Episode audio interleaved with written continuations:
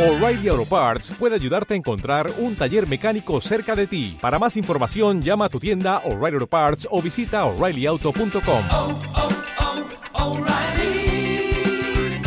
oh, Parts. Hola, Mira, se tanto el castellano catalán, la mayoría de tenemos son en castellano. Eh, merci por venir. Y lo que me toca es hacer una pequeña, pequeña, de hora y media, una pequeña introducción. Es como Fidel Castro que dice, decía seré breve y hace un discurso de cuatro horas. Eh, una pequeña introducción de hora y media eh, del gótico sureño, de la literatura del sur de los Estados Unidos. Eh, sería imposible ir al fondo de todos los autores, sería absolutamente imposible, pero pretendo daros como el clima y el paisaje de este tipo de narrativa para que luego podáis subir arriba y coger en préstamo o comprar alguno de los libros. ¿Sabéis quién es este hombre que pasea tan pancho por su finca? ¿Quién es? Es Mark Twain.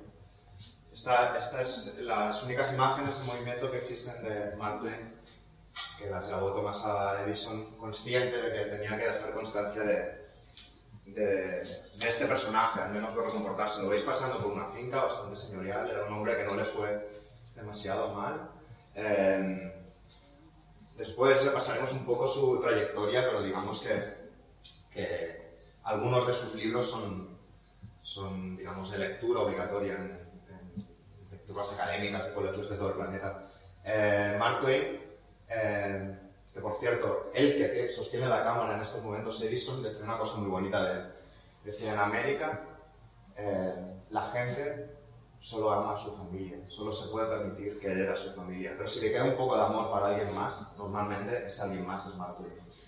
Eh, este hombre que veis aquí desayunando, tomando, o desayunando, no, no sé, por la luz, no es demasiado evidente, o tomando el té o el café por la tarde con, con su familia, eh, decía algo, algo que tiene que ver con eh, muchos de los temas que, que hablaremos durante esta charla.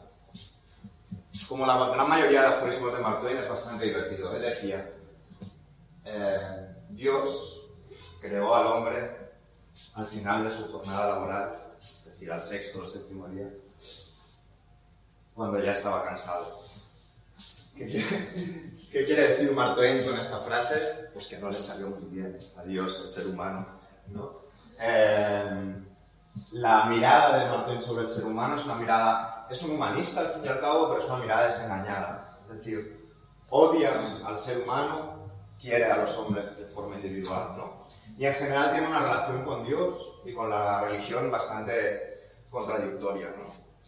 La narrativa de Mark Twain, y por eso coloco a Mark Twain como posible abuelo de todo este asunto, la narrativa de Mark Twain es una narrativa, y eso lo notáis incluso en esa frase chiste prácticamente, es una narrativa anti-idealista. Hay quien dice que en novelas como Tom Sawyer o como Huckleberry Finn plantea la infancia como un escenario edénico donde, y problemático donde no puede suceder nada malo, pero no es bien bien así. Eh, Mark Twain tiene una mirada sobre el ser humano bastante eh, pesimista y en general es uno de esos autores que intentan pinchar la épica, que consideran que la épica siempre entraña algo de ridículo. Por ejemplo, eh, Mark Twain, eh, que está implica- bastante implicado en, en lo- en la industria editorial, de los periódicos, etcétera, etcétera, se considera el primer eh, monologuista moderno.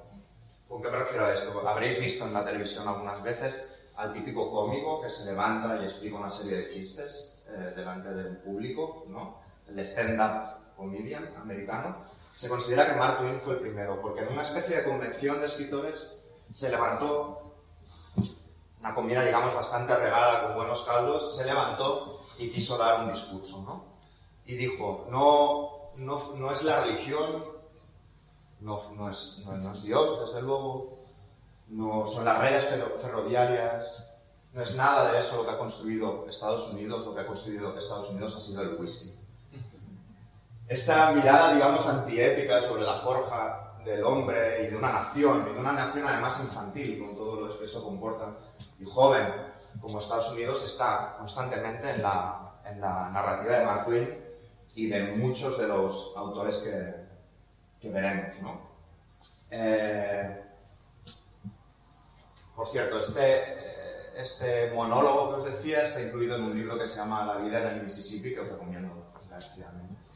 Eh, vamos a ver un fragmento, de, un fragmento muy breve, esto sí, muy breve, van a ser dos minutos como mucho, de una película escrita por uno de los autores que normalmente se, se sitúan bajo el paraguas de la etiqueta de la literatura sureña o del gótico sureño, como se le llama.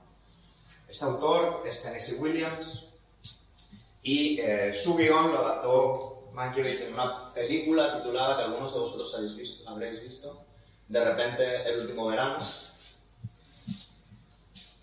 Y para mí esta película esconde muchas de las claves de los temas, las pulsiones, los miedos de estos autores, de estos autores del, del gótico sureño. ¿Por qué? ¿Alguien ha visto de repente el último verano? Sí, hostia, si me quedo sin voz o algo, puedes, puedes tú sin ningún tipo de problema. Bueno, ahora le toca a él. ¿Me, me puedes recordar el, el argumento de repente el último verano? Pues me parece que recordar que, que había una visita, una familia, estaba la señora Daniel Gerson, una silla eléctrica esta. Y ¿La silla eléctrica? Eso, Ah, vale, vale. sí. Sabía que el patíbulo. Había un drama que querían lobotomizar a toda la familia porque había un muerto y bueno, una historia, Un lío. de, de homosexualidad, historia en otro país y, y todo el tema. Exacto, la exacto. Mucho drama y mucha sordidez, ¿no? Ahora veremos. Montgomery Cliff también. Montgomery Cliff también estaba. Es verdad Eh, que- es verdad que hay un trozo sobre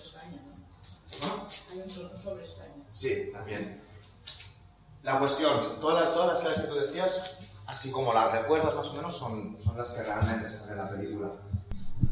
Pero explico por qué me parece que son algunas de las claves del gótico sureño. Catherine Hepburn, como tú decías, la de la silla eléctrica, eh, es una-.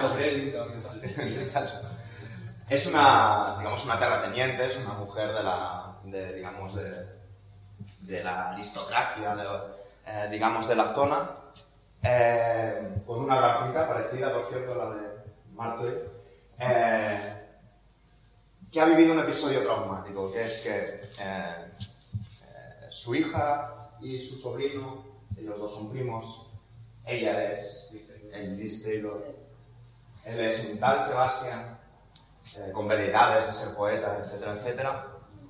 Se supone, según el relato oficial de Catherine Hepburn, eh, Sebastián ha muerto de un ataque al corazón. Él era un alma cándida, con una mirada muy limpia, muy devoto de Dios y absolutamente, digamos, normal, según lo que se entendía como normal en la época.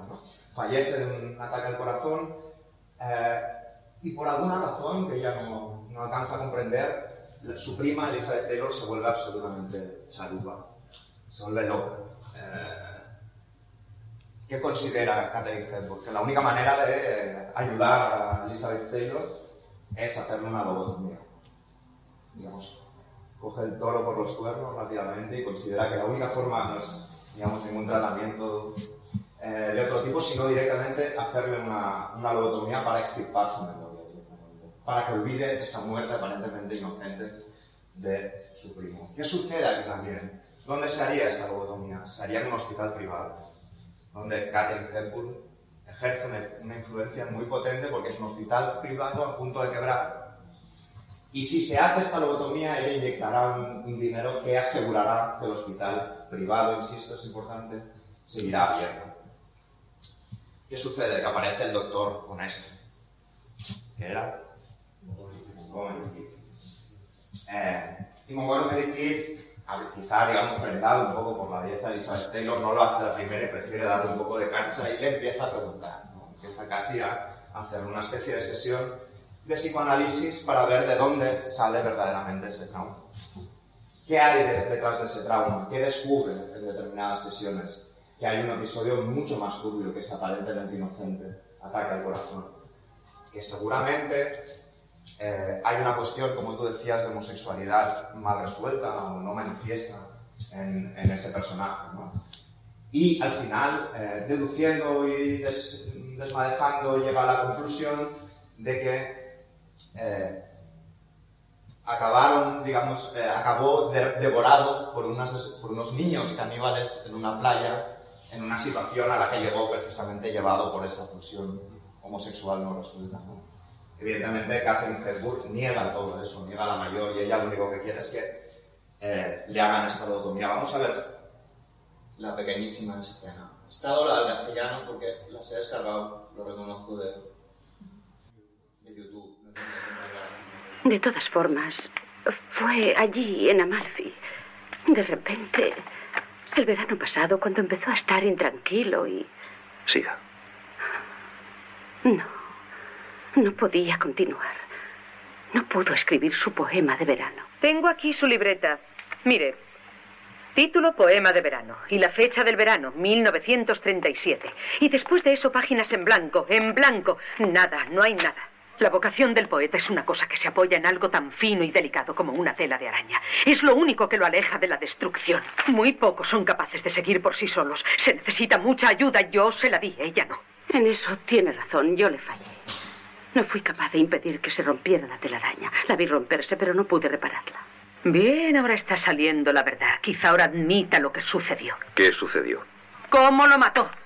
¿Cómo lo asesinó en cabeza de lobo? Pregúntele. Catherine, ¿qué sucedió en realidad? De repente, el verano pasado, dejó de ser joven. Fuimos a cabeza de lobo. Y de repente cambió como de la mañana a la playa. ¿Como de la mañana a la playa? Quiero decir, como de la mañana a la noche.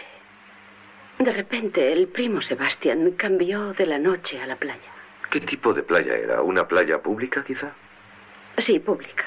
Esas pequeñas invenciones son las que la traicionan. Señora Benevol, Al fin y al cabo ya le he hablado de sus escrúpulos. ¿Puede usted aceptar eso de que Sebastián fuera todos los días a una sucia playa pública junto a un puerto? no importa lo que quiera decir. Quiero que lo diga ella. Siga. No quiero seguir. Todas las tardes, ¿usted y su primo Sebastián iban a esa playa pública? No era la pública. La pública estaba junto a esa. Había una valla que separaba la pública de la que nosotros íbamos, en la que se cobraba una entrada. Entiendo. Sucedió algo que la molestó. Bien. Como veis aquí, y todo, todo es así, la vida es el, como, como intentan relatarla, ¿no? Y aquí hay dos relatos.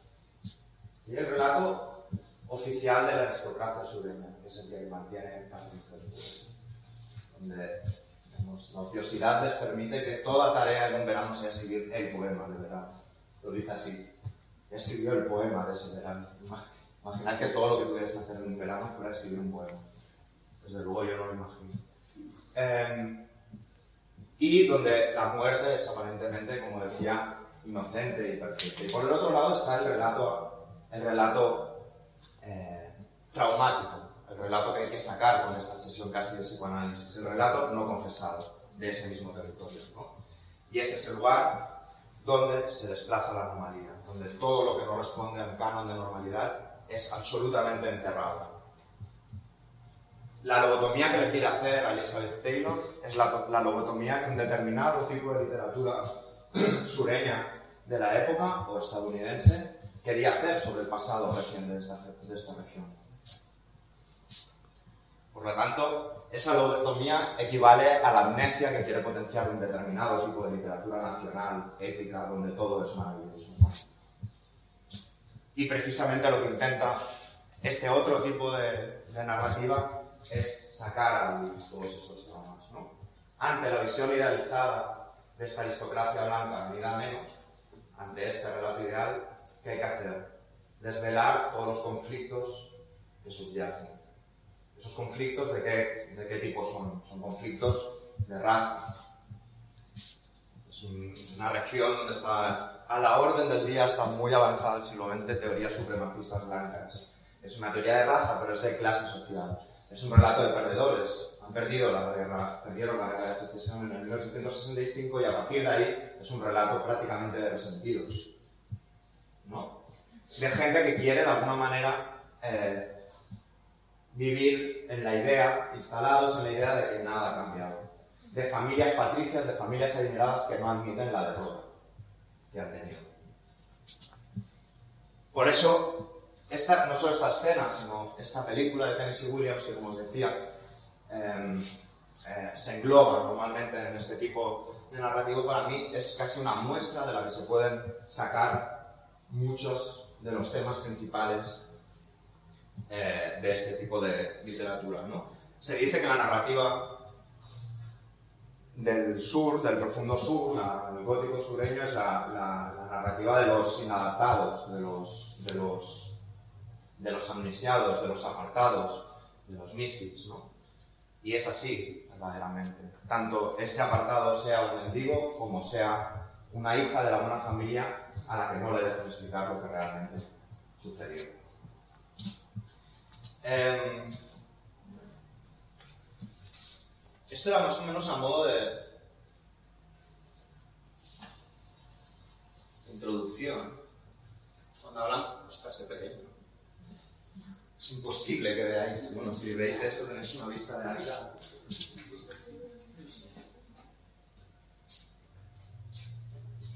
¿Qué pone aquí? Bueno, por contexto.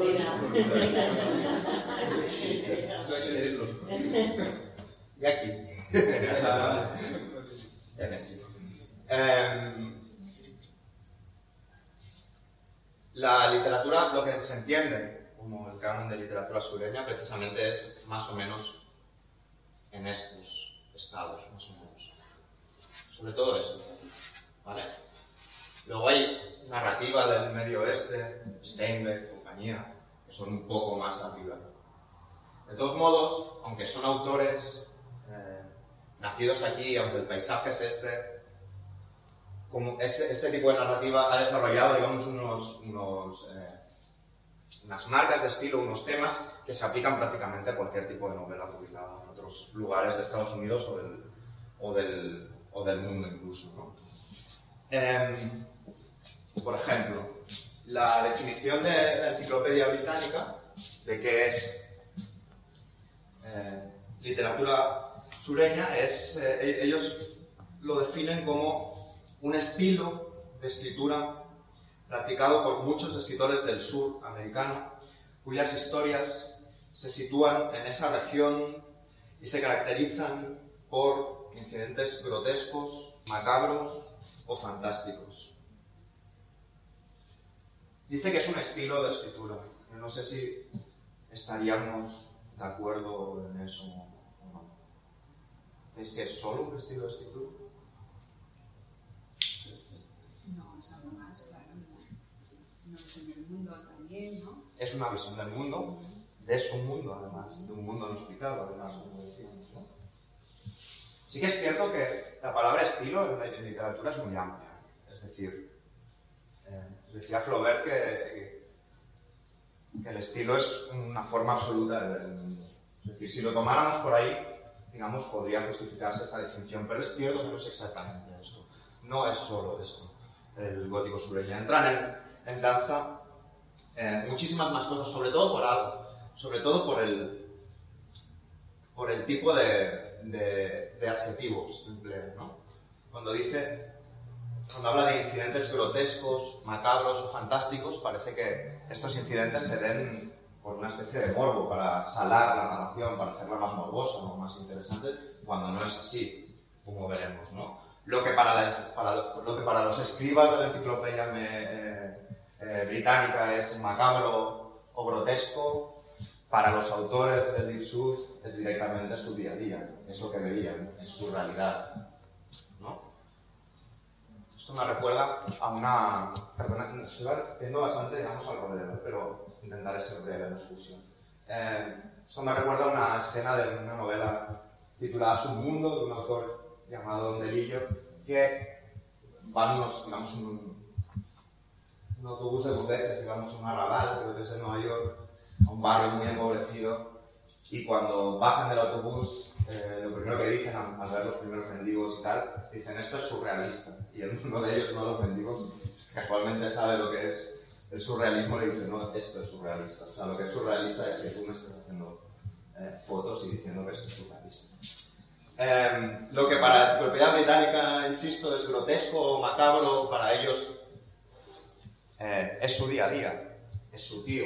Y lo veremos. Y si venís a la próxima sesión, lo veremos todavía de una forma más específica, con un par de, de fragmentos de autores más recientes que lo explican de una forma maravillosa.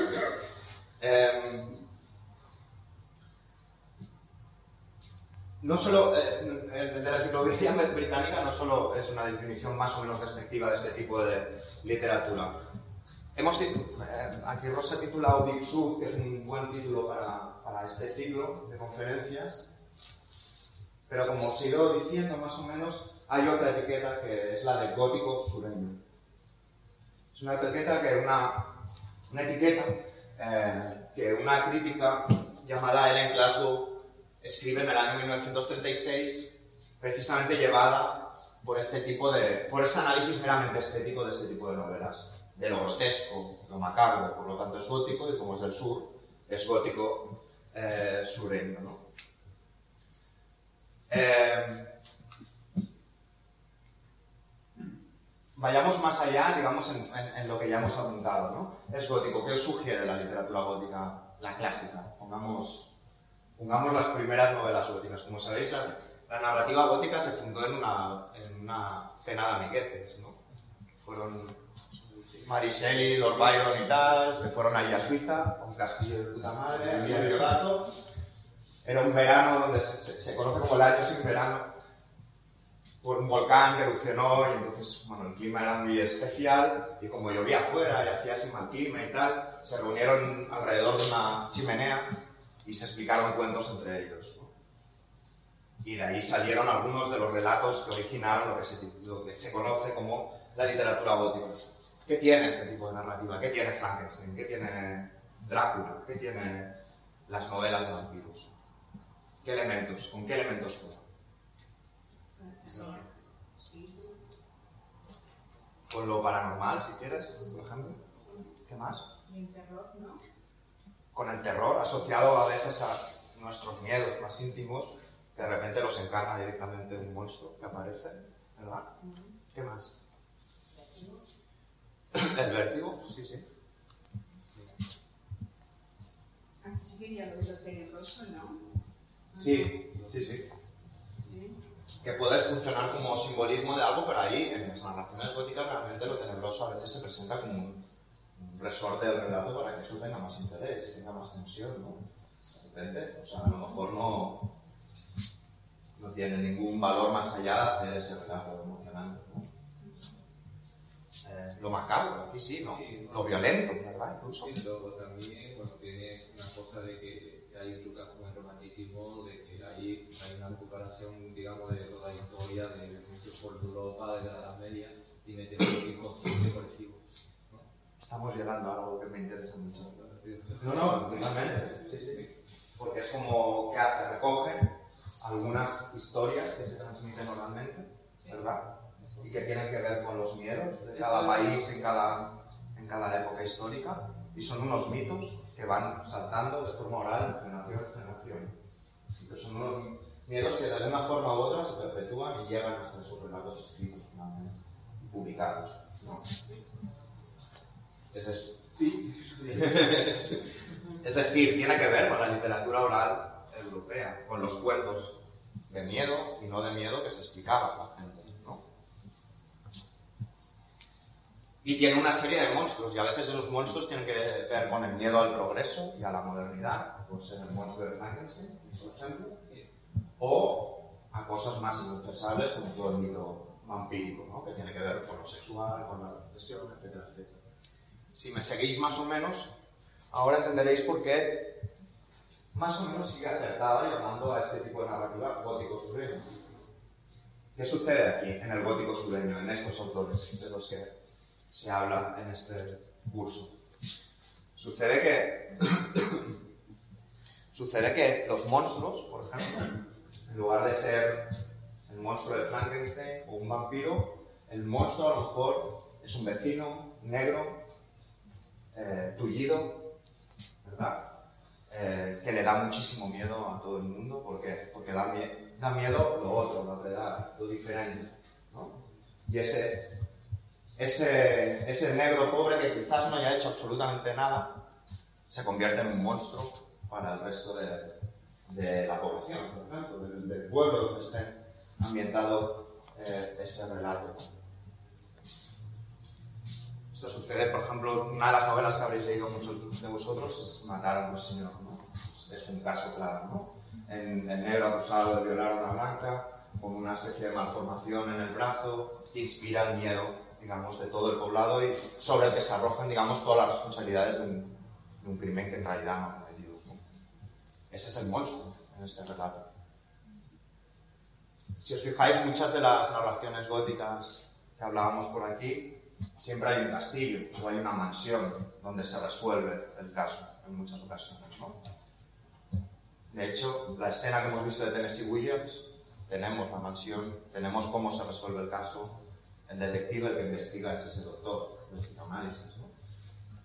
Y en muchas ocasiones en los relatos del gótico sureño, la mansión o el entorno de una mansión, digamos, eh, en un acantilado, apartada del mundo, etcétera, etcétera, se convierte en un pueblo dejado de la mano de Dios en una plantación. La plantación de algodón, por ejemplo, es el equivalente a la, a la mansión gótica. ¿no?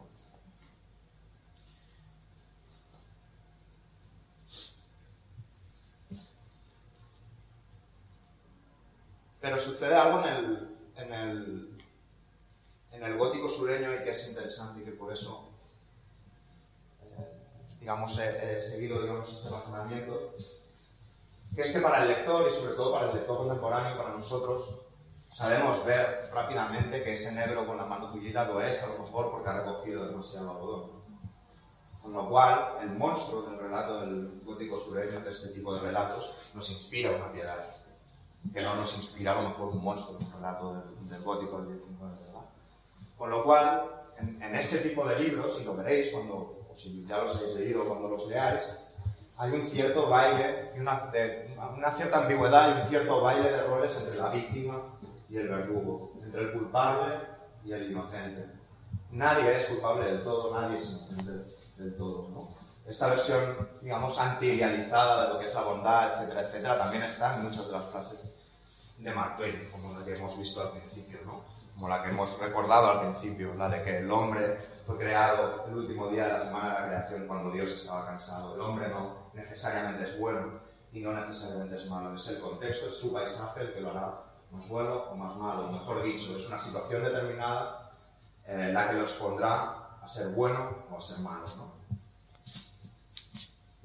Y luego todo lo eh, grotesco, todo lo macabro que sí que existe, está al servicio, de alguna manera, de una protesta. La gran mayoría, de, diciéndolo, digamos, rápido y en plata, de los escritores eh, de góticos sureños eh, tienen una ambición de protestar.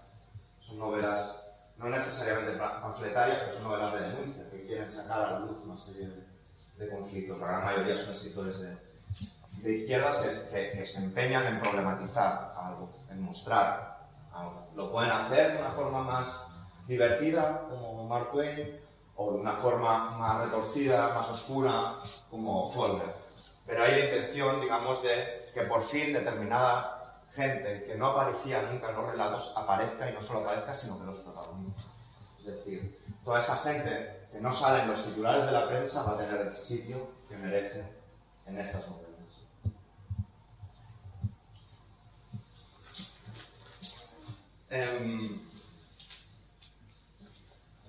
Hay algo interesante también, esto lo explica otra de las autoras que no sé cómo iremos de tiempo, si igual paso por encima o si no lo dejamos para Marina cuando hable ella, porque es una mujer, no Marina, eh, la autora le toca a ella, bueno, Marina también es una mujer, eh, que es eh, Caso McCullers, que explica muy bien el tono exacto para que os imaginéis cómo escribe este tipo de, de autores, ¿no? Es una literatura de oposición, ¿no? De contrastes. Dice que mezcla y contrapone lo trágico y lo cómico, lo intenso y lo inmenso con lo trivial, lo sagrado con lo mundano, es decir, la religión con los miedos íntimos que, que genera, pero también con, con, el día a día, con lo cotidiano, y el alma del ser humano con el detalle eh, materialista. Antes de seguir, para hacer breves parones, podemos, podemos poner, podemos poner un, un pequeño fragmento de otra eh, película escrita por uno de los mejores autores del gótico sureño, que es... ¿La habéis visto? Sí. Nada más Bueno, vemos el pequeño fragmento.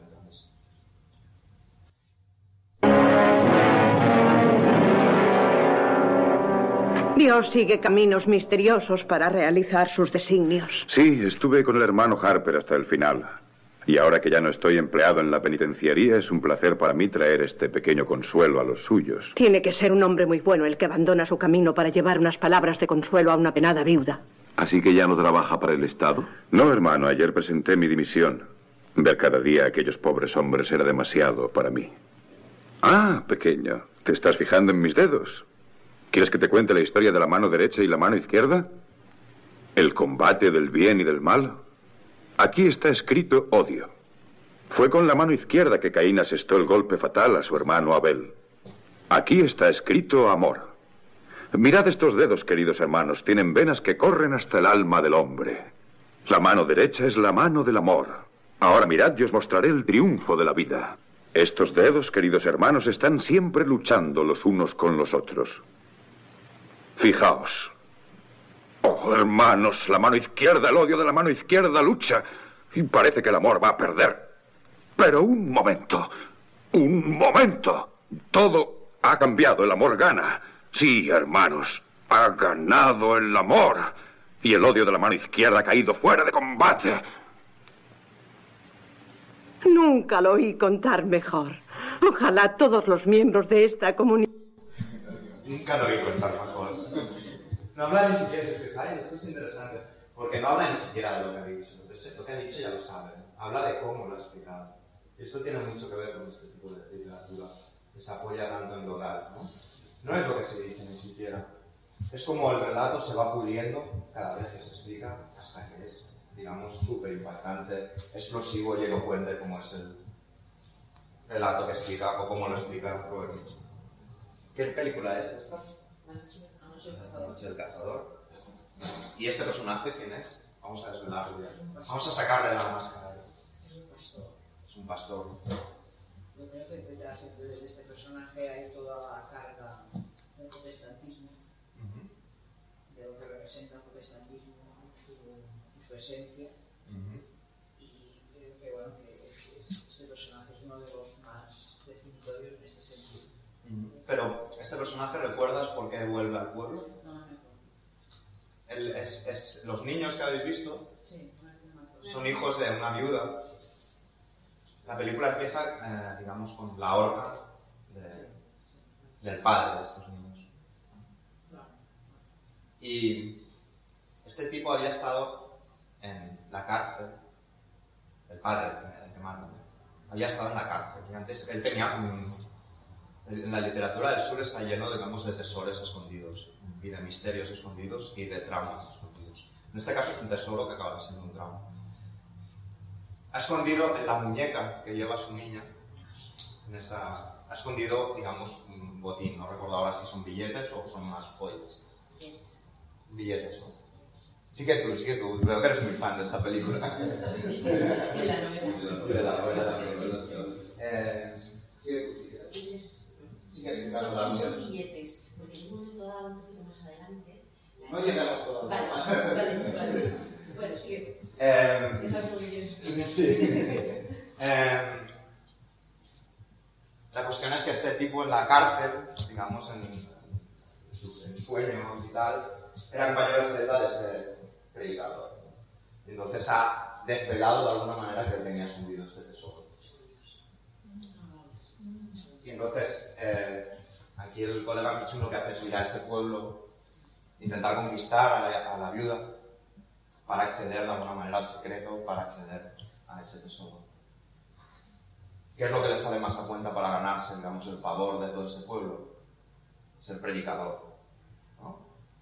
Ser esta especie de predicador, digamos, eh, de lo más elo- elocuente que se ganará el corazoncito tanto de las abuelas como de los niños, o no, o no tanto de los niños, como veremos. ¿no? La literatura de los- del sur, digamos, eso que dicen que los borrachos, los niños dicen la verdad o se dan cuenta antes de las cosas, eh, es normalmente así, está lleno de borrachos y niños especialmente lúcidos.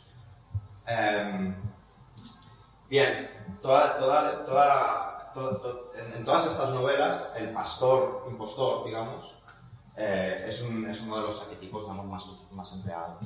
El, el- el falso, el falso pastor, ¿no? El tipo que esconde algo y se presenta como una especie de intermediario con, con- con Dios, ¿no? En el sur no solo es el pastor, es, y esto tiene que ver con esta narrativa de nuevo, es decir, lo que se valora es la palabra, es la capacidad para explicar un relato y explicarlo bien, y, que sea creíble. Tienen valor eh, los predicadores, tienen mucho valor, pero tienen valor los medicine man, por ejemplo, que son estos vendedores de crecepelos que aparecían con su, con su eh, caravana y vendían todo tipo de botingues falsos que la gente compraba, ¿no? El equivalente... eh, el equivalente de hace un tiempo de la teletienda actual. Pero con mucho más, digamos, con mucho más talento. Em, hemos hablado también de Mark Twain poniéndose de pie y explicando esa historia, ¿no? Iniciando toda una tradición de cómicos que se levantan y explican una historia. Pues el pastor, el falso pastor, el impostor, es una de las, de, de los- de las figuras que aparecen siempre en estas novelas y que, y que esconden otra de las claves de estas novelas, que es la diferencia, digamos, la tensión entre la apariencia y la apariencia de bondad y la maldad intrínseca en el, ser humano, etcétera, etcétera. La apariencia de bondad en un predicador, pero también la apariencia de bondad en la gente común, ¿no? La, esa tendencia que tenemos a pensar que en los pueblos todo el mundo es bueno, ¿no? y bondadoso, no hay ningún tipo de envidia ni de, ni de afán negativo, ¿no? Pues este tipo de juego de apariencia, esta tensión entre la apariencia y cómo es realmente la persona, o la apariencia, una vez más, volvamos a, la- a lo primero que hemos explicado, entre el relato que se quiere vender de un país o de una zona y lo que es realmente, está muy presente en esta literatura. Y en figuras como esa, como este falso predicador.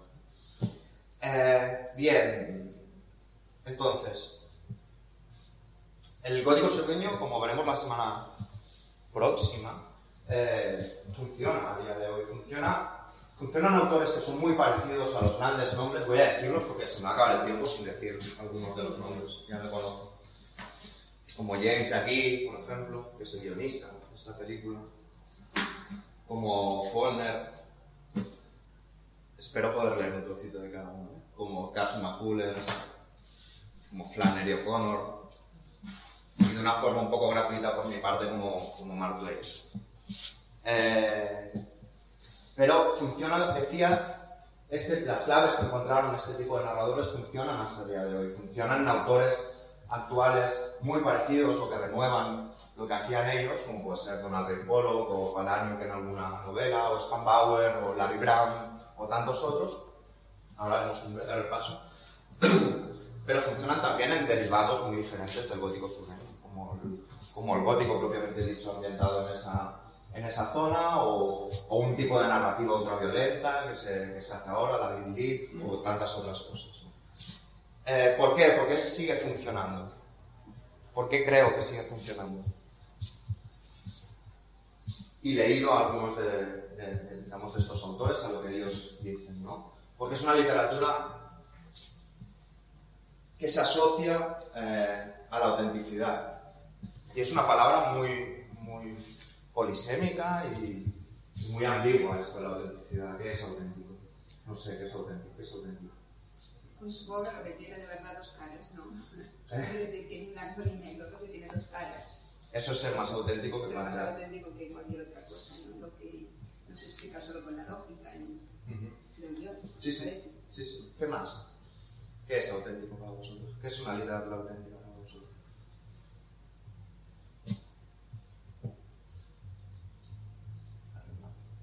Lo que explica la, la realidad de lo que quiere describir. La que lo hace, pero normalmente para explicar la realidad de lo que se quiere escribir, para hacerlo de una forma vívida y honesta, ¿qué sucede habitualmente con eso? Tiene que ser contradictorio. Tiene que ser por un lado contradictorio y después, si hablas de lo que conoces, será mucho más fácil que una literatura auténtica y honesta, ¿verdad? Es decir, si yo escribo una novela sobre templarios, no sé, igual me queda bien, bueno, no creo que lo haga jamás. Bueno, igual sí, no lo sé. Nunca sé si si encuentro trabajo y me están apretando los testículos, quizá lo haga. Eh, pero, eh, digamos, esta, es- es- la literatura, digamos, será más honesta si yo hablo de lo que conozco, de lo que me rodea, de lo que yo he vivido. No es una fórmula exacta, ¿eh? porque si no nadie haría ciencia ficción, nadie haría tantos otros géneros muy valiosos. Pero una narrativa auténtica es la que habla del entorno, ¿no? Es la que, en definitiva, no habla sobre una cultura, sino que habla desde esa cultura. ¿Y quién puede hacer eso? Alguien que ha crecido en esa cultura, que la ha vivido desde que es un niño, ¿no? Sí. Que yo creo también que la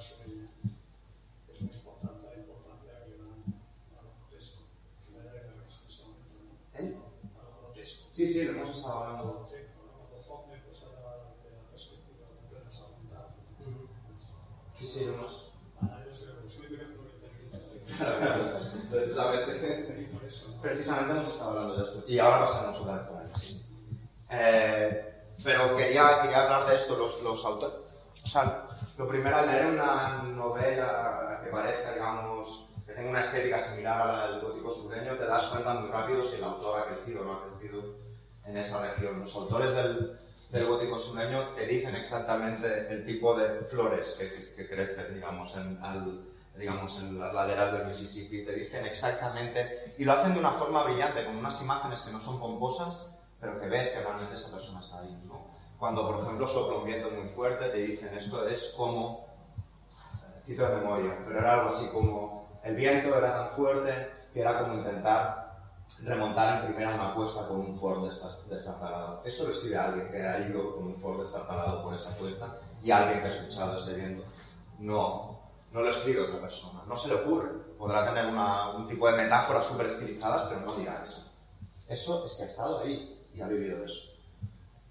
O cuando hablan de qué sucede cuando hace calor y hablan de que las llantas chirrían porque el pavimento está de, de determinada manera. Es muy vívida, es muy plástica, pero sobre todo es auténtica porque ves, puedes ver al- a ese autor creciendo eh, en, ese, en ese entorno. ¿no? Hablan, además, hablan de- desde un yo, digamos, íntimo y también colectivo. Hay como la, la intención de... Me da la impresión, eh, digamos, leyendo a algunos de estos autores, que sienten la responsabilidad de explicar lo que están explicando y que creen que si no lo hacen ellos, nadie lo hace. Muy diferente de alguien, de un cronista de Nueva York, que todo el mundo va a explicar más o menos lo mismo, con mayor o menor talento. ¿no? En ellos ves como una especie de responsabilidad de querer explicar ese entorno que de otro modo no se explicaría. Em, y después manejan, digamos, eh, lo oculto y la, lo oculto también, pero lo oculto, la erudición, pero después tienen eh, un saber popular alucinante que tiene que ver con saber los calendarios agrícolas, con saber, digamos, lo, lo que les decía su abuela, etcétera, etcétera, ¿no? Se sostiene uno de los pilares de este tipo de literatura por la que sigue funcionando, es que en un tiempo donde la autenticidad parece haber perdido valor como moneda de cambio, o incluso se pone en duda que exista tal cosa, lo enarbola, ¿no? Enarbola esa autenticidad y la demuestra en cada párrafo. Los párrafos de estas novelas están llenos de vida en todo momento. Son sabrosos, son exuberantes. Em, lo que tú me apuntabas ahora, ¿no? Otra de las cosas por las que interesa es el morbo hacia, digamos, lo grotesco, o hacia los personajes tullidos, o hacia dar voz incluso a gente, digamos, con problemas mentales. Sí, no, no lo he mencionado aún. No, aún no. me, me funciona muy bien como recordatorio de lo que, de lo que me falta por, por decir. No llego todavía. No he llegado todavía. Y es probable que no pase por todos esos puntos. Es probable que mi recorrido me desvíe y no los de todos. Eh, pero sí, en, en el relato que nos, nos comenta ahora eh, es muy evidente, digamos, estos personajes, digamos, eh, tullidos, con relaciones incluso casi incestuosas, etcétera, etcétera, ¿no? Pero decíamos antes, cuando, antes de que llegaras tú, que de alguna manera es, eh, lo que es grotesco, tullido para alguien de Barcelona como tú, como yo, digamos, es el día a día. Es, es una mera descripción de lo que, de lo que ellos veían. Una mujer embarazada, pobre embarazada, en un pueblo. ¿Dónde está esto? Nadie. De eso. Mm. Algo de la realidad de una pobre mujer embarazada que no tenía un pueblo y está sola. Sí, pareja nada. Entonces, claro, esto es más realista que esto, la miseria. Sí, o, de- o de la- o el personaje que tú apuntabas de la balada, de la balada del café triste, ¿no? Este personaje casi repulsivo, digamos, que sirve como único fuente de amor al personaje que tenía el único café, a la mujer que tenía el único café de, de ese pueblo. Faulkner intentó hacer hablar a un autista. ¿Eh? Faulkner hizo hablar a un autista. Sí, sí, después lo veremos. Esto es... Llegaremos, llegaremos a, llegaremos a, a, a De todas maneras, yo puedo decir una cosa. Sí. Mira, yo creo que todas estas características que estás diciendo son realmente las que son, pero yo creo que hay, hay un- hay un- hay un- hay una premisa a tener en cuenta y es todo el mundo, todo el mundo negro que llega eh, de África llega con una cultura Sí, sí. que la conserva Sí, sí. y todo este mundo, todo el que es negro y que es, es esclavo, evidentemente, está subyacente en las plantaciones. Claro. Y este mundo es un mundo animista, es un mundo, no tiene nada que ver con las religiones eh, occidentales, y este mundo todo el que los blancos no lo conocen o no lo comparten o les da miedo, eh, está ahí. Esa miedo y fascinación. Sí, y- al, y al mismo tiempo, al mismo tiempo. Y está ahí Sí, es una literatura, Y entonces, claro, esto mm, se va poniendo debajo. por supuesto. Cuando Toni Morrison hace aparecer fantasma en Beloved, ¿eh? todo esto está allí, Sí, sí. está allí. Y, y- y claro, la- los blancos, eh, todo este mundo lo vivían. Yo he estado en el sur de Estados Unidos y he estado en las plantaciones. Y las casas de los esclavos esta- estaban como de aquí a las fronteras. Es decir, que ellos vivían con los esclavos. Es una cosa que me fascinó, porque no tenían. Vivían y yacían con las esclavas. Sí, pero muy cerca. O sea, Sí, sí, tan cerca. eh, o sea, los jardines maravillosos que veían, que veían eran eh, eh, las, las cabañas de los esclavos, con todo lo que allí pasaba. Sí, sí. Entonces, claro, mm, sí, entonces vi que estaban, estaban muy en contacto con ellos y veían sus, sus ritos, sus, sus maneras de... de- de- Pero tú fuiste, bueno, fuiste- fuiste ahora hace poco, ¿no? Yo, yo fui hace pues, cuatro años. Ah, vale, vale. No, no, pero claro, te enseñan las plantaciones Vale, y ellos te enseñan, te enseñan, te enseñan dónde vivían. Claro, es que está ahí mismo, y dices, no, a ver, esto muy, o sea, muy lo que viento se llevó, pero cuando salen a la- al, al porche, lo que ven es terrible. Sí, sí. Claro, todo esto subyace dentro de su vida cotidiana. Hay todo un mundo de, digamos, por ejemplo, de superstición. eh, Y esto yo creo que viene de, de la cuestión propia de, de- de las religiones y de las tradiciones de- del pueblo, que les llega todo esto de, Sí. África, que realmente les, les, les deja. Sí, sí, por supuesto. Y de, todo, es todo un mundo de supersticiones, de animismo, etcétera, Sí. etcétera, que se mezcla, y de secretismo, de códigos secretos que, existen en las plantaciones, en un lenguaje prácticamente secreto, que convive por otro lado, y que no convive, que potencia el sentido del espectáculo que tienen predicadores como el que hemos visto, que al fin y al cabo parece James Brown, parece una especie de cantante, de cantante negro, y que seguramente no hubiera necesitado, digamos, de esa dimensión, digamos, espectacular, si no, era- no hubiera, no hubiera convivido en ese contexto. Y tiene que ver con lo que, con lo que iba a decir ahora, con la viveza, una literatura sincrética y criolla y que, y que admite, digamos, digamos, voces, digamos, voces cultas. Eran gente que quizás algunos de los de ya del siglo XX quizás admiraban a, a Conrad, Henry James o, o a los autores ingleses católicos, pero, pero, pero que sabían cómo, cómo sonaba una plantación, ¿no? Y que sabían escuchar, digamos, to- todas estas voces, vulgarismos, etcétera, que decían los esclavos negros. Y es una literatura, sí, ahora mismo, es una literatura, como intentaba decir antes, y lo, lo remarco porque creo que es muy importante, y es muy importante porque ahora, digamos, es más fácil entenderlo, pero entonces no lo era tanto, que pone en valor la literatura oral, la tradición de la literatura oral, y que sabe, porque lo sabe, que si tú puedes entretener, digamos, si tú estás acostumbrado a entretener a, me imagino una escena sureña, ¿eh? a tu tío borracho en el cobertizo, explicándole una historia con ganchos, con tensión narrativa, etcétera, etcétera, podrás llegar a seducir a un lector que no te conoce de nada de otra parte del mundo. Es decir, es consciente de algo muy sencillo, que cada vez que explicamos una historia la estamos mejorando. Yo estoy explicando esta sesión por primera vez. Dios no lo quiera, pero si la tuviera que hacer 20 veces, bueno, quizá estaría deprimido la número 20, pero si no lo estuviera, eh, seguramente habría ido captando, me habría nutrido para empezar de comentarios que me ha hecho ella, que me has hecho tú, que me ha hecho él, que me ha hecho el otro, y habría ido refinando el relato hasta hacerlo muchísimo más atractivo. Esto que parece una, digamos, perversidad, no lo es. Ellos lo tienen muy en cuenta. De hecho, hemos empezado con Mark Twain. Mark Twain se ganó la vida como conferenciante prácticamente. Cuando un tiempo que quedó en bancarrota con unas malas inversiones, recuperó la deuda dando monólogos, explicando historias de esa región, explicándolas de forma oral. ¿no? Eh, y eso me parece muy importante, incluso en autores que no salen de ahí, y eso, y eso se sabe, o sea, es decir, cojamos un autor que no tiene nada que ver con este entorno, Richard Price, un autor que tiene novelas de literatura juvenil, ahora más policiales.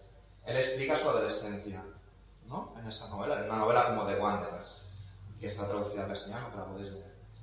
Eh, él que dice que él explica esa adolescencia no como sucedió entonces, sino como la recordarían unos amigos 20 años después en la barra de un bar. ¿Qué está diciendo?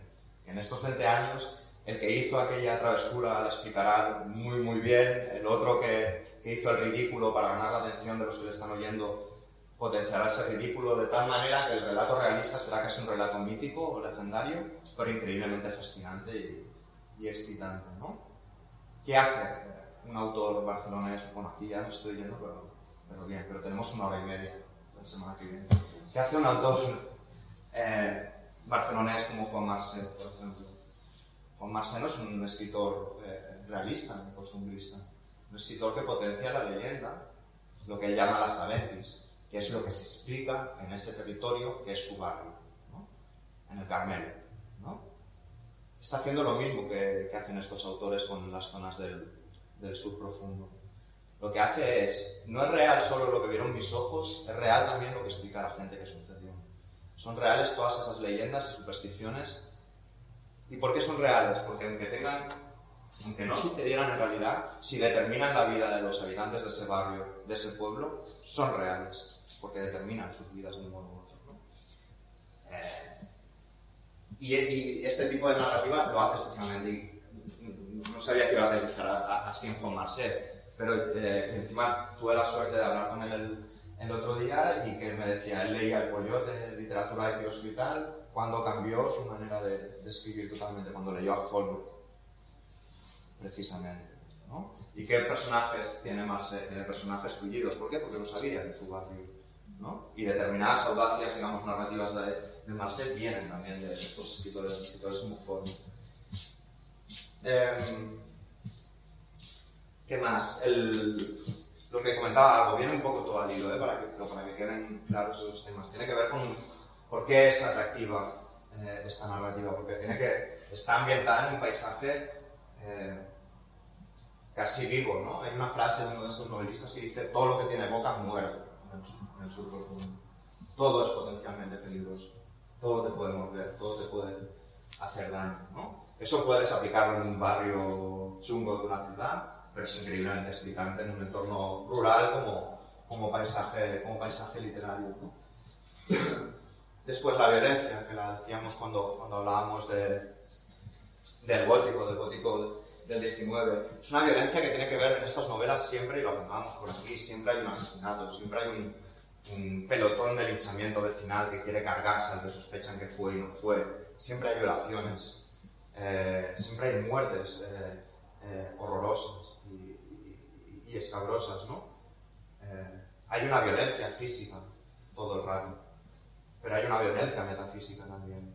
Hay una violencia que tiene que ver con los miedos reprimidos, que tiene que ver con los traumas no resueltos, que tiene que ver con, como decíamos al principio, con todo eso que, que se esconde y con todo eso que no se puede explicar. Hay una violencia que tiene que ver con Dios, una violencia de Dios, una violencia de Dios estructural que ejerce, tanto de Dios como de su equivalente en las plantaciones, eh, que ejerce directamente eh, sobre, sobre los esclavos o sobre las capas más des- desfavorecidas de la zona. ¿no?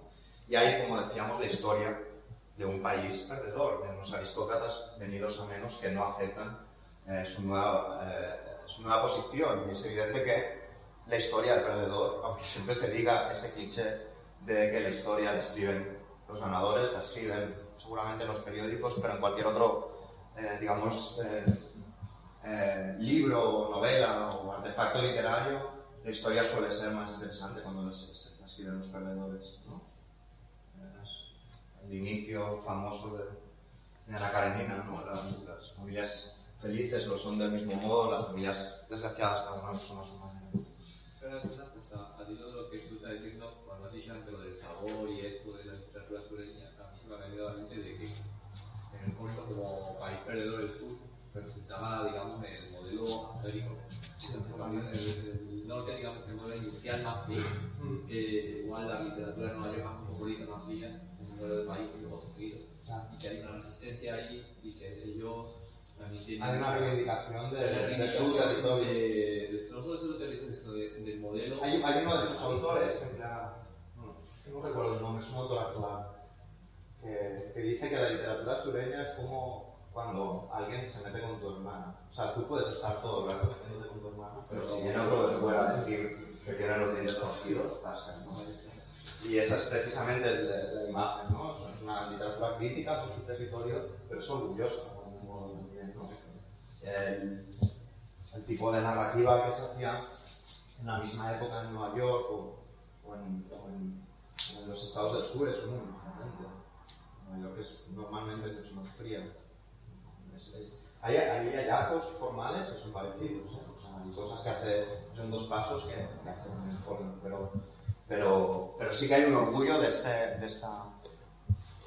Estoy citando autores muy lejos de la órbita de pero un autor, un autor gallego que, se llama Álvaro Junqueiro que dice que la lengua tiene que oler a pan. ¿no? Pues, eh, la, lengua del sur, la literatura del sur huele huele, huele a la tierra, huele a las plantaciones, huele también a las cocinas donde se hacían las tardes y robaban soya. algo muy importante en el sur es la importancia de la vegetación. Ejemplo, la vegetación se come todo. Entonces, claro, es la obsesión de siempre la vegetación se come la casa. Entonces, es toda una metáfora. Y en los eventos se llevó a seguir claro, ¿no? O sea, yo estaba gente del sur. Y lo primero que hicieron fue colocar la bandera confederada.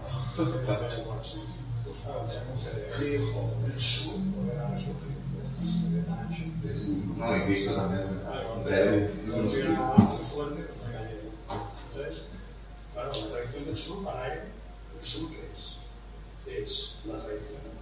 La chica se dedicaba a coser, y aprendía latín, aprendía lenguas clásicas, por italiano era. Y luego, eh, la ocasión que tenía la chica de conocer a alguien eran los bailes, oficial. Entonces, todos hacían con una perfección. Claro, un tío del norte eh, es industrial, es práctico, capitalismo. Esto es un chorrada, esto es un claro, eh, esta visión creo que sí existe alguna Unidos. Sí, sí. Nosotros consideramos unos paletos. Y luego a lo mejor tienes también una actitud que, bueno, que publicas tu novela, Ya, ya, se suicida, se vuelve famoso, bueno, fue un caso único, pero estos autores no los aguardan en Estados Tal. Bueno, ahora un poco más. El Faulkner sí que es cierto que, que, hace unas décadas si ibas a su pueblo natal, no lo dice, es un borracho, es un borracho. Pero eso es muy de los pueblos, ¿eh? Volviendo a Piqueiro, yo soy de su pueblo, de Montañero, y te decían, el mejor, el escritor español más universal, sí, después de Cervantes, te decían, un bufista, un no, es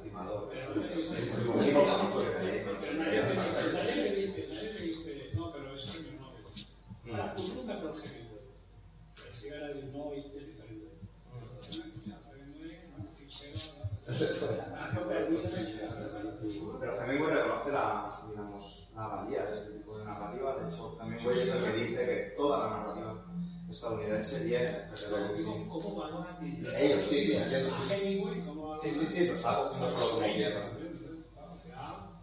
navegación perdida, supervalorada. El Steinmetz es Dios, el Tennessee Williams es Dios, Lazar es Dios.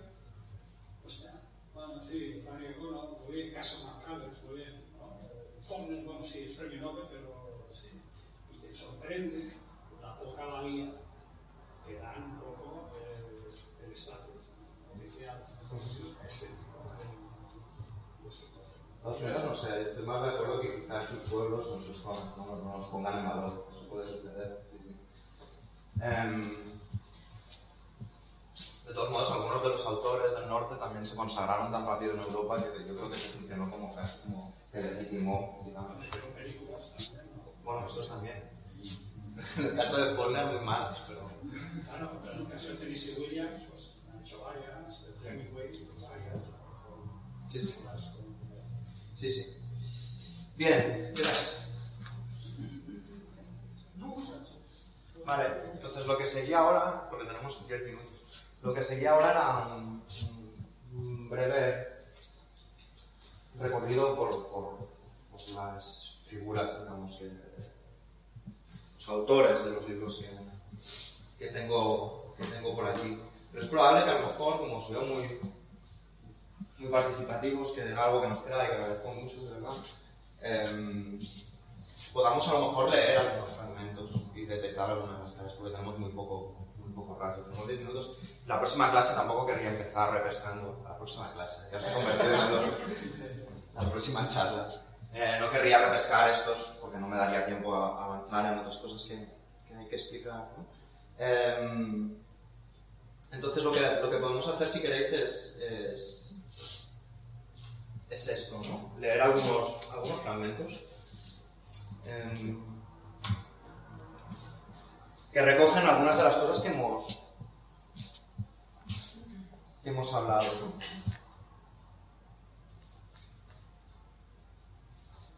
Por ejemplo, ¿os, os, os apetece leer? Si queréis leo yo, ¿eh? me pagan para eso, pero digo, si queréis hartos de escuchar mi, mi voz.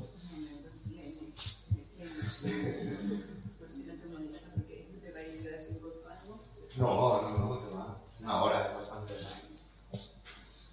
manejable. Em, bueno, pues, pues hacemos eso, leemos algunos de,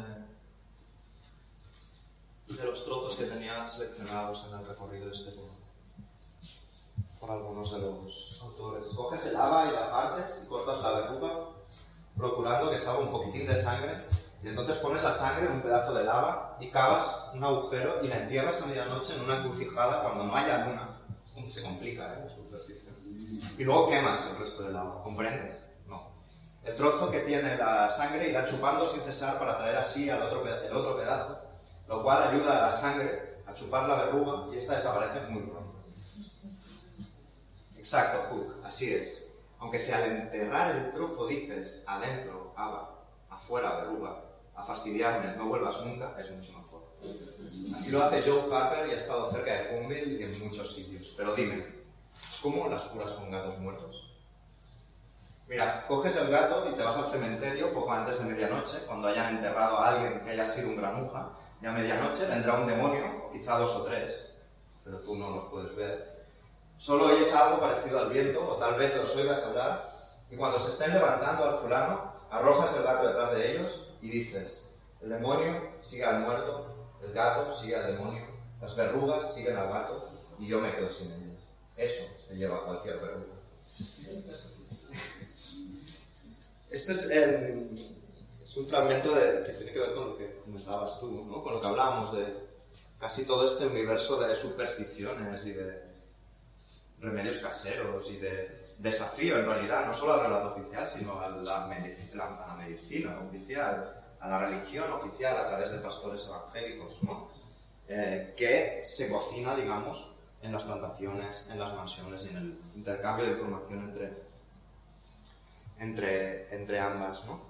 Eh, esto es algo continuo, digamos, en, en las aventuras de Tom Sawyer, como sabéis, veo tampoco, tampoco voy a explicar, digamos, mucho más de la, de la novela, pero, pero donde se aprende, digamos, muchas cosas. Tom Sawyer es para mí es casi como el equivalente a, a Mark Twain y Huckleberry Finn es de lo que se compadece en Mark Twain, ¿no? Él nunca será el desarrapado, el que está al margen de la ley, etcétera, etcétera. Será el travieso, será esa persona con una ambición de, de aventura, ¿no? Hay un momento que Mark Twain dice aquí, cualquier niño a la edad de 8 años siente el deseo de robar un tesoro, ¿no? Es encontrar este tesoro, es la superstición de pensar que si entierras una canica y la descubres en un punto del bosque, ahí hay un tesoro. Es todo un, un entramado, digamos, de relatos míticos, legendarios, de supersticiones que dan, digamos, se traducen en una ra- narración increíblemente eufórica. Para mí la palabra es euforia cuando leo a, a Mark Twain. Increíblemente es una máquina de energía, Mark Twain. Es decir, desprende chispas en cada una de las páginas. Este era un libro que no tenía la, la vocación en un primer momento de ser un libro infantil y juvenil. Eh, fue el editor el que le dijo que lo, lo dirigiera eh, a ese tipo de, de- de público. ¿no? Pero todo sale de, de, de, Tom Sawyer y todo sale sobre todo de Huckleberry. Hay una edición muy chula que recomiendo de, de, Finn, eh, prologada por Bolaño, en la que admite lo mismo que dijo Hemingway y tantos otros autores y voces de autoridad. ¿no? Él dice, todos los novelistas americanos, incluidos los autores de lengua española, en algún momento de sus vidas consiguen vislumbrar dos libros recortados en el horizonte, que son dos caminos, dos estructuras y sobre todo dos argumentos. En ocasiones dos destinos. Uno es Moby Dick, de Herman Melville, el otro es Las aventuras de Huckleberry Finn, de Mark Twain. El primero es la llave de esos territor- territorios que por convención o por comodidad llamamos los territorios del mal, allí donde el hombre se debate consigo mismo y con lo desconocido y generalmente acaba derrotado. Lo segundo es la llave de la aventura o de la felicidad, un territorio menos acotado, humilde, innumerable, donde el personaje o los personajes ponen en movimiento la cotidianidad, la echan a rodar y los resultados son imprevisibles y al mismo tiempo reconocibles y cercanos. Eh, podía acabar con un Mark Twain así lo hacíamos en circular, pero tenemos un poco más de, de tiempo para leer algún, algún, fragmento, algún fragmento más. Eh, Tú citabas a Flannery O'Connor hace un momento, ¿verdad? Eh, Flannery O'Connor tiene como unos treinta y pico relatos y tiene solo dos novelas. Y una de ellas que explica muy bien la figura esa que decíamos del predicador impostor es eh, Sangre Fácil, Sangre Sabia. No, no, pero es la del bueno, no, estaba pensando por qué eh, hay una, una adaptación que a mí me hace mucha gracia porque es como una adaptación dirigida por John Huston y estrenada en los años 70 y no se molesta ni en ambientarlo antes, lo cual dice que algunas de las claves de esta novela siguen eh, en vigor muchos años eh, después, que es esta. Now, I understand it ain't anybody perfect on this green earth. Not preachers. Look here, I know preacher. And you can tell folks better how terrible sin is if you know from your own experience. In a world of sin and seduction, there's a lot of ways of getting saved. Ten million times. My name is Oni J. Holy, Some do it with style. and I am a preacher. I don't, I don't mind you knowing that. I'm going to the city. Some have other plans. I'm gonna do some things I ain't never done before. I started my own church. Church of Truth without Christ. Protestant? There's, there's something foreign. Hay un momento que Flannery O'Connor explica a Jesús, solo hay una verdad, Jesús es un mentiroso, Jesús es un invento para negros, dice. Eh, y este personaje, eh, educado en el trauma absoluto, de familia de, de- de predicadores, va a la guerra y cuando regresa al sur evangélico de Estados Unidos intenta predicar la verdad de una iglesia sin Jesucristo, una iglesia donde no hay redención, donde no hay ninguna de las milongas. ¿no? Eh, hay una escena donde se, se ve, digamos, este trauma infantil que a mí me interesa especialmente, es una escena que es cuando el niño, digamos, ve al padre, digamos, a su padre, cometiendo el pecado que siempre se le ha negado a él, ¿no? ni siquiera pensar en él. ¿no? Una escena que, que, es- que explica Fante también en otro de sus relatos largos, que es bastante habitual. En definitiva, hay una stripper, una mujer eh, que se está desnudando, eh, entrada en carne, desdentada, etcétera, etcétera, en una carpa. Y en esa carpa no dejan entrar al niño. Pero finalmente, por una- unos mecanismos de picaresca como los de Tom Sawyer, logra entrar en esa carpa. ¿no? Y lo primero que oye es si los, si los ataúdes vinieran con una como esa dentro, no me importaría nada estirar la pata antes de tiempo. Eso lo dice su padre. Lo ve. Él ve a su padre diciendo esto, gritando esto delante de todo el mundo, mientras mira cómo esa mujer se eh, desnuda, ¿no? Entonces se va aterrorizado para que no lo vean, etcétera, etcétera, ¿no?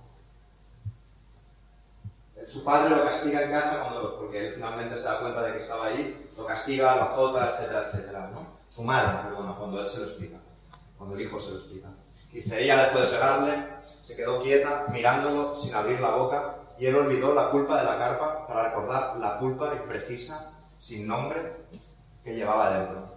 Poco después, ella lanzó lejos el palo y volvió a la tina sin abrir la boca. Al día siguiente, sin que nadie lo supiera, Hayes se llevó los zapatos al bosque. No los usaba más que para las reuniones de la iglesia y en invierno. Los sacó de la caja, los llenó de piedras y guijarros y se los puso. Se los ató con fuerza y caminó por el bosque durante un trecho que ya sabía que medía un kilómetro hasta que llegó a un arroyo. Y allí se sentó, se descalzó y hundió los pies en la arena húmeda. Con eso él, él en mayúsculas, con eso él debería estar satisfecho, pensó. No pasó nada. Si hubiese caído una piedra, lo habría tomado por una señal.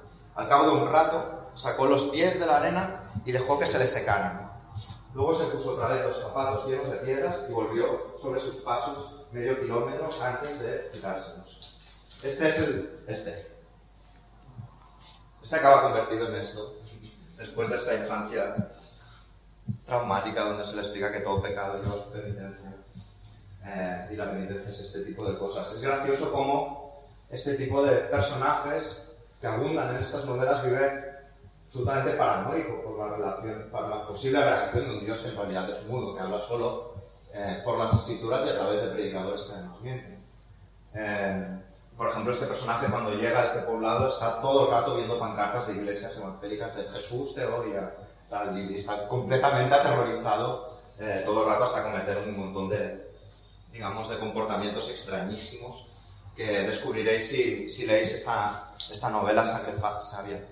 Eh, esta novela está conectada con todos estos otros que decíamos, pero también está conectadísima con autores eh, eh, ingleses como Evelyn o Graham Greene. ¿no? Eh, y que aporta, digamos, un tono de, de sátira de, que existe, y de ridículo y de sátira que existe en la contradicción entre querer creer algo que en realidad no te crees. ¿no? Eh, eso que decía Mark Twain también, ¿no? que si realmente Dios ha creado a los seres buenos y a los malos, está mal de la cabeza. Pues es, lo que algunos de estos personajes llegan a, pensar eh, finalmente. ¿Qué hora es? 8 y 4. Vale, pues eh, lo último. Bueno, rec- mejor os, en plan vendedor, predicador, os recomiendo, aunque no pueda leerlas ni explicarlas bien, eh, que leáis también Una muerte en la familia de James Agnew. Eh, este es un, es un autor indispensable. Esta es su novela más autobiográfica. Ganó el Pulitzer el año que la, que la sacó, en el 56, lo ganó en el 57. Eh, y es un increíble periodista también. Le pagaron, digamos, un viaje por el sur donde tenía que hacer retratos de gente anónima, de agricultores del sur, ¿no? Elogiemos, y el título final fue Elogiemos ahora a los hombres famosos. En esos relatos explicaba la épica, digamos, de la vida dura de este tipo de personajes. Algo que hizo también Steinbeck en Los vagabundos de, de la cosecha, el libro de reportajes que escribió antes de escribir Las uvas de la ira. Bien, aquí simplemente es una novela autobiográfica en la que una familia atormentada, una vez más, digamos, por el peso de la religión y tal, tiene que sobrevivir a la, a la muerte en un accidente de automóvil del padre de familia, que es lo que le sucedió a James Agee también. ¿no? Eh, bien, si os leyera podríais haber cogido el tono, pero eh, en, en realidad En realidad es maravilloso, por ejemplo, cuando intenta explicar, intentas poner conversaciones entre un niño que intenta entender esa fe y la madre que intenta explicársela como buenamente eh, puede, ¿no? Porque nos quiere y quiere que la amemos, pero si nos obligara, ya estoy leyendo, había dicho que no la leí. A ser buenos no podríamos quererle lo suficiente. No puedes hacer con gusto lo que te obligan a hacer y no podrías amar a Dios si Él te obligara. ¿Porque no quiere? No. Pero si Dios puede hacer cualquier cosa, ¿por qué no puede hacer eso? Dice el niño. Porque no quiere, dice su madre impaciente. Porque no quiere, dice Rufus. Sería mucho más fácil para él. Y ella dice, a Dios no le gusta lo fácil. Eh, bien, otro, otro de los títulos que... Esto no me importa, digamos, eh, saltármelo porque Marina pasa, estoy convencido de que se detendrá eh, con atención y, y demás en- en esta autora. Es Caso McCullers.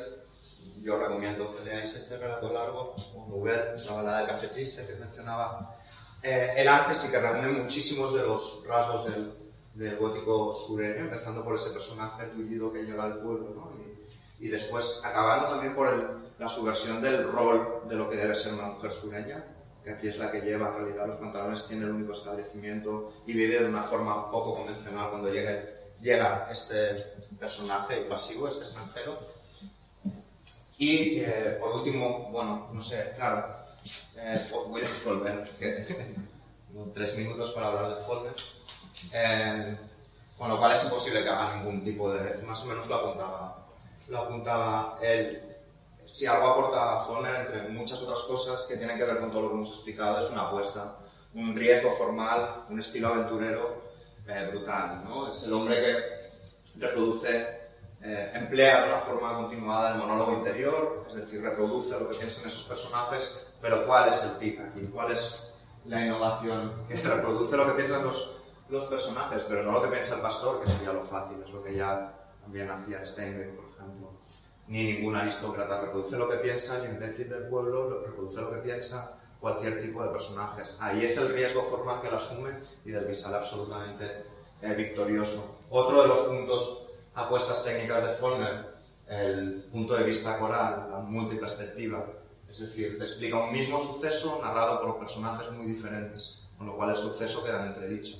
No hay un suceso, no hay una realidad, no hay algo que sucedió eh, realmente, ¿no? Etcétera, etcétera, etcétera. Con un estilo que no huye de un humor así muy seco y muy, y muy negro, pero que combina muy bien también, como os decía antes, el cultismo con eh, el habla de toda esa gente. Eh, yo había escogido Mientras agonizo, que es del año 30,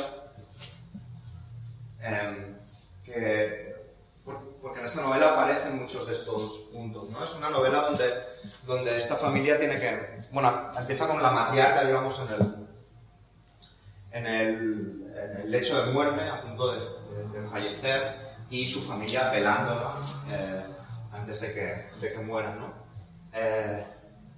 Entonces una vez fallece, vaya spoiler os he hecho, una vez muere, mientras agonizo, una vez muere, eh, esta familia, los Gundren, la quieren llegar- llevar, la quieren enterrar en una, en, una parcela que tienen un poco alejada, ¿no? Y es la historia también del viaje hacia esa parcela. De tal modo que los miedos eh, a la religión, a la, a la muerte, las tensiones familiares, etcétera, etcétera, etcétera, el miedo a lo diferente, todo lo que hemos hablado, pero también el viaje iniciático, el viaje de cambio están presentes. Aquí hablan, si, si lo veis aquí, más o menos, todos los capítulos están titulados con el nombre del personaje que, eh, al que, que- al que- del que accederemos a su, a su pensamiento, ¿no? que veremos lo que piensa y cómo lo piensa. Este eh, estos capítulos pueden ser de alguien piadoso o muy religioso o, o increíblemente pragmático o idiota directamente. Os voy a leer uno de, el lo último que leo, de un tal Cash, uno de los hijos, lo que está pensando mientras la gente habla de la herencia, de llevar a la madre o no a esta parcela, eh, de sentir pena por la madre, él lo que está pensando es, Cash le ha hecho biselada. Hay más superficie para clavar los clavos. Uno. Dos. Hay doble superficie para las ensambladuras. Tres. El agua tendría que colarse en ella oblicuamente. El agua corre más fácilmente de arriba abajo o de derecha a izquierda. Cuatro. En una casa, la gente está de pie dos terceras partes del tiempo. Así que si las puntas y uniones se hacen a- de arriba a abajo, así, no, así que las juntas y uniones se hacen de arriba abajo, porque la presión es de arriba abajo. En una cama, 5, punto número 5, en una cama donde la gente está echada todo el tiempo, las juntas y uniones se hacen horizontales porque la presión es de derecha a izquierda. 6, excepto dos puntos. 7. Un cuerpo no es cuadrado como una traviesa. 8. El magnetismo animal. 9. El magnetismo animal de un cuerpo muerto hace que la presión venga de lado y por tanto las juntas y uniones de un ataúd van a hacerse en bisel. 10. Vemos que en las tumbas viejas la tierra se hunde en bisel. 11. Mientras que en un hoyo normal la tierra se hunde por el centro, porque la presión es de arriba a abajo. 12. Así que la he hecho biselada. 13. Está mejor acabada.